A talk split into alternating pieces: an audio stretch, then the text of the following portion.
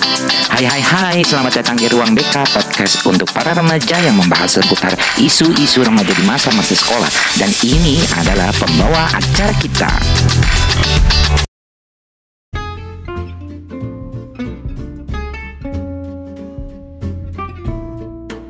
Hai hai hai Akademika, bertemu lagi kita di Ruang BK Podcast Ruang yang membahas isu-isu seputar remaja di masa-masa sekolah Episode kali ini Ruang BK akan membahas tentang bagaimana kita menyikapi pengumuman hasil ujian SBMPTN 2022 dan ujian saringan masuk perguruan tinggi kedinasan. Teman-teman akademika pasti tahu kalau sebentar lagi pengumuman hasil ujian SBMPTN maupun ujian saringan masuk perguruan tinggi kedinasan yang sudah teman-teman akademika ikuti akan keluar. Ini artinya perjuangan demi perjuangan akan menunjukkan sebuah hasil, entah itu hasilnya baik maupun hasilnya buruk. Tentunya dekatnya waktu pengumuman semakin membuat teman-teman gelisah, apalagi nanti di malam tanggal 23. Galau ya, deg-degan atau mungkin juga ada beberapa yang cuek bebek. Lalu bagaimana sebaiknya teman-teman akademika menyikapi hasil perjuangan yang sudah teman-teman lakukan kemarin? Yang perlu teman-teman akademika ingat adalah bahwa setiap kerja keras itu pasti akan membuahkan hasil yang terbaik. Jika perjuangan kita, jeripayah kita, kerja keras kita membuahkan hasil yang baik pada saat pengumuman nanti, maka bersyukurlah kepada Tuhan Yang Maha Esa. Dan jangan lupakan perjuangan yang sudah kita lalui kemarin, karena itu akan menjadi titik awal sebuah perjuangan berikutnya. Dan jika ternyata hasil pengumuman itu tidak baik, maka coba introspeksi diri kita masing-masing. Seberapa keras kita berusaha pada saat persiapan ujian kemarin? Apakah ini karena kita kurang kerja keras jika ternyata kita sudah bekerja keras dan mati-matian, menurut pandangan teman-teman ya, namun belum membuahkan hasil, maka artinya Tuhan belum memberikan kesempatan di tahun ini. Tuhan belum melihat keseriusan teman-teman dalam menghadapi ujian kemarin. Jadi gunakan kesempatan kedua sebagai acuan keseriusan teman-teman. Atau mungkin mungkin juga ya Tuhan sedang menunjukkan jalan terbaik lainnya selain melalui ujian kemarin. Kita tidak pernah tahu Tuhan menggiring kita ke arah mana, tetapi yang pasti ketika tangan kita bergerak, di situlah masa depan kita. Jadi, terus gerakan tangan kita ke arah yang lebih baik. Pastikan teman-teman jangan ambil jalan pintas demi kepuasan sesaat, karena hasilnya pasti tidak akan baik ke depannya. Dan jika teman-teman ternyata belum maksimal dan masih terlalu santai dalam persiapan ujian kemarin, maka kesempatan berikutnya adalah kesempatan terakhir yang harus kalian rencanakan matang-matang dari sekarang fokus, dan terus belajar. Jangan terlena dengan kekecewaan mendalam karena kegagalan di tahun ini. Tata kembali niat dan fokus kita untuk menggapai cita-cita yang kita inginkan. Ingat, jangan terlena dengan pandangan, "Ah, masih lama, nanti aja kalau udah deket-deket ujian."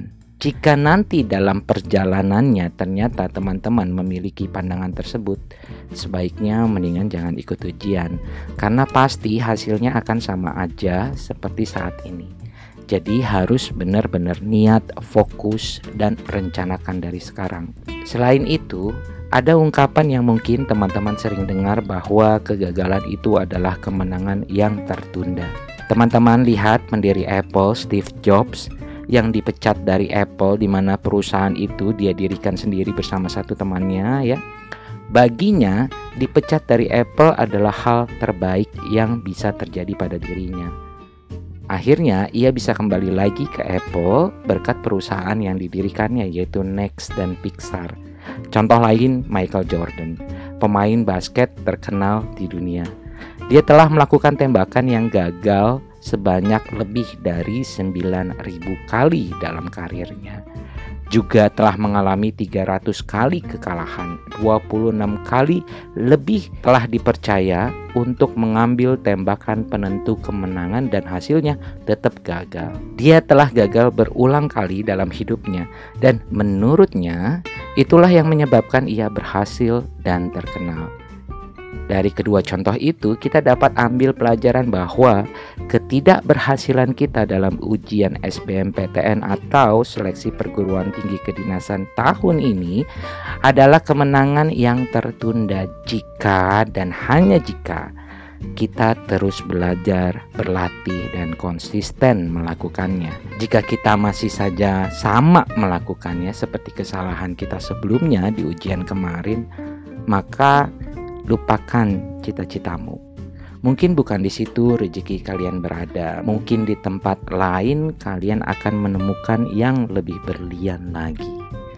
Sebelum saya akhiri, Robert Kiyosaki, seorang penulis buku Why a Student Works for C Student, juga pernah berkata bahwa siswa dengan nilai C akan menjadi pemimpin bagi siswa bernilai A. Bukan berarti di sini bahwa pendidikan itu tidaklah penting ya, melainkan siswa yang memahami bagaimana ilmu itu diterapkan dalam dunia nyata, maka ia akan jauh lebih berhasil dibandingkan siswa berprestasi sekalipun. Mungkin teman-teman pernah ya mendengar gurauan atau perkataan, "Ah, cuma teori, prakteknya mana?" Ya kan? Jadi, siswa bernilai A lebih banyak memahami teori, namun tidak memahami prakteknya. Justru siswa bernilai C sedikit lemah di teori tetapi banyak memahami prakteknya. Ilmu tidak hanya diperoleh dari universitas atau perguruan tinggi, tetapi dari kehidupan sehari-hari pun kita dapat memperoleh ilmu. Jika diseriusin, maka akan menjadi sebuah keahlian. Bahkan, cikal bakal ilmu yang teman-teman pelajari selama ini di sekolah berasal dari masalah dalam kehidupan sehari-hari. Begitu juga universitas yang unggul dan terkenal belum tentu jauh lebih baik daripada universitas yang berada jauh dari rata-rata. Semua kembali pada diri sendiri. Jadi, bagi yang lulus dan berhasil mendapatkan universitas yang diinginkan, jangan lengah ya. Karena bisa jadi teman-teman akan kalah dari mereka yang mendapatkan universitas biasa saja atau bahkan dari mereka yang tidak lulus dari seleksi kemarin. Ya, jadi jangan berpuas hati, jangan berbangga diri ya. Nah, keberhasilan dan kegagalan itu bagaikan siang dan malam, selalu silih berganti. Kadang kita di bawah, kadang kita di atas. Jadi teruslah saling memberi semangat satu sama lain. Karena suatu saat pasti kita akan mengalami perasaan gagal atau perasaan berhasil. Jangan mengkerdilkan mereka yang lulus dan berhasil mendapatkan universitas biasa saja. Dan jangan menghina mereka yang tidak lulus pada ujian pertama. Juga jangan lengah dan terlampau bangga karena kita sudah berhasil mencapai cita-cita. Karena perjalanan teman-teman masih panjang. Pintu baru saja terbuka, tetapi kaki belum banyak melangkah dan tangan belum banyak bergerak.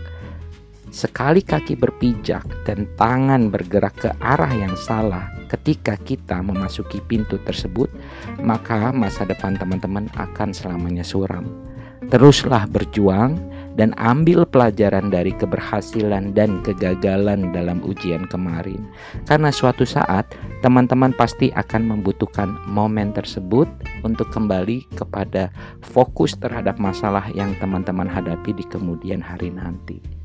Terus mempererat tali silaturahmi, tetap semangat mencapai cita-cita. Sampai jumpa di episode berikutnya dan salam akademika.